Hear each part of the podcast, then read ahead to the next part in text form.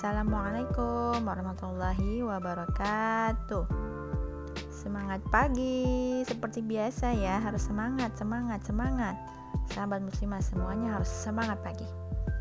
Selamat datang kembali ke podcast saya Let's Talk About Muslimah di segmen Muslimah Kudu Sehat.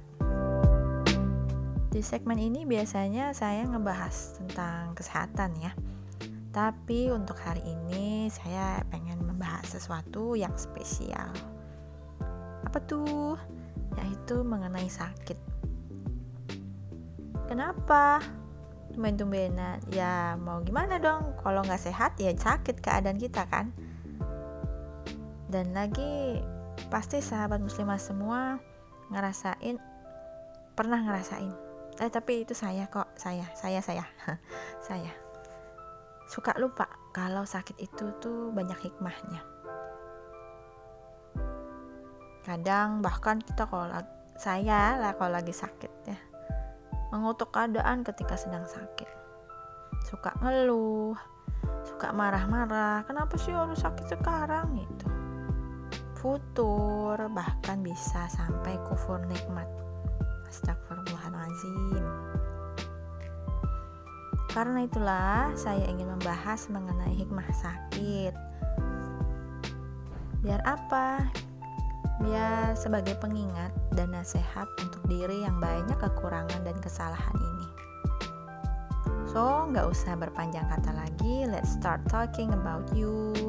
Yes, you, muslimah.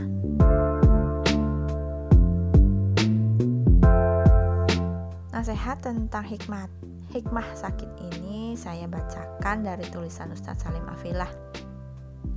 Kalau sahabat muslimah ada yang pantengin IG beliau, pasti tahu.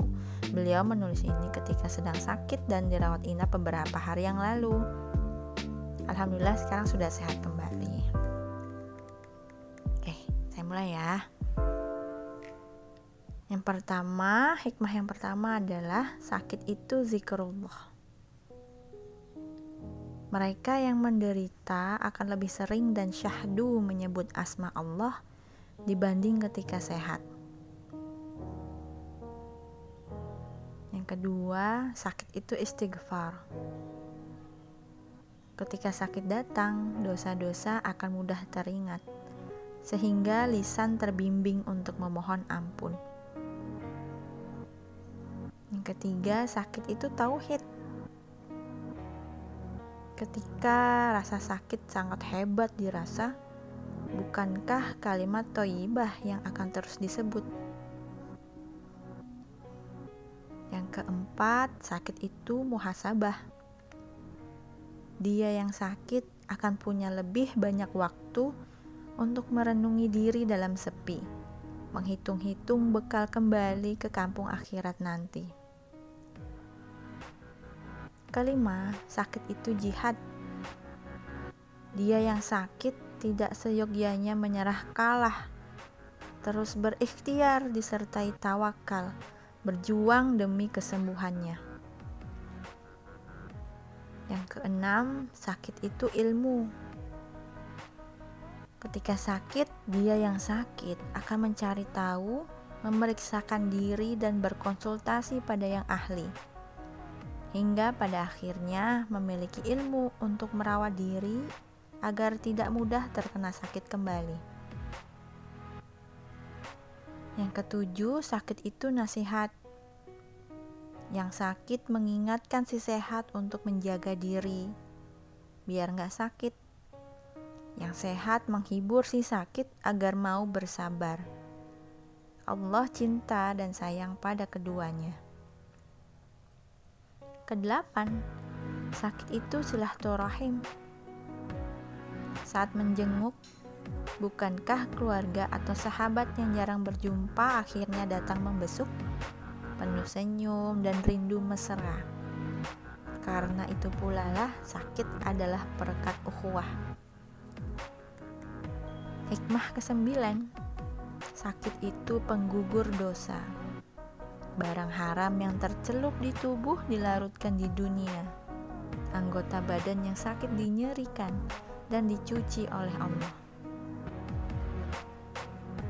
Yang ke-10, sakit itu mustajab doa.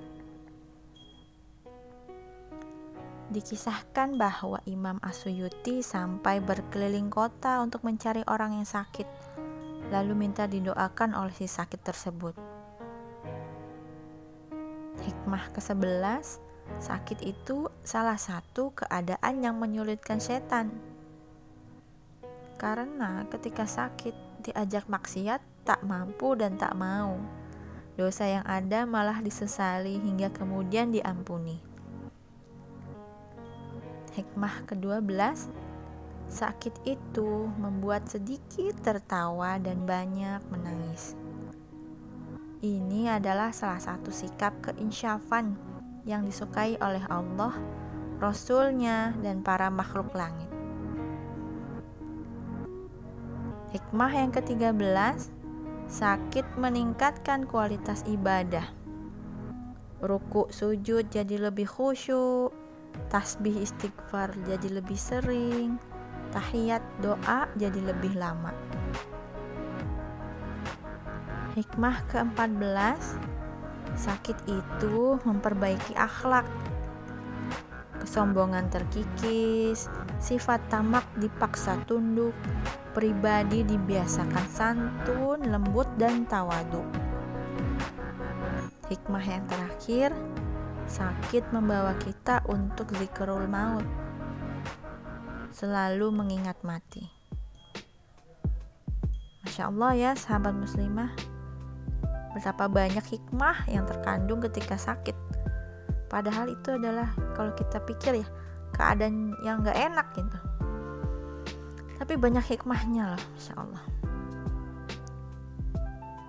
Bahasanya Ustadz Salim tuh khas banget ngademin banget ya nyastra gitu gimana gitu pokoknya padahal lagi sakit nulisnya loh Masya Allah tetap bermanfaat walau dalam keadaan sakit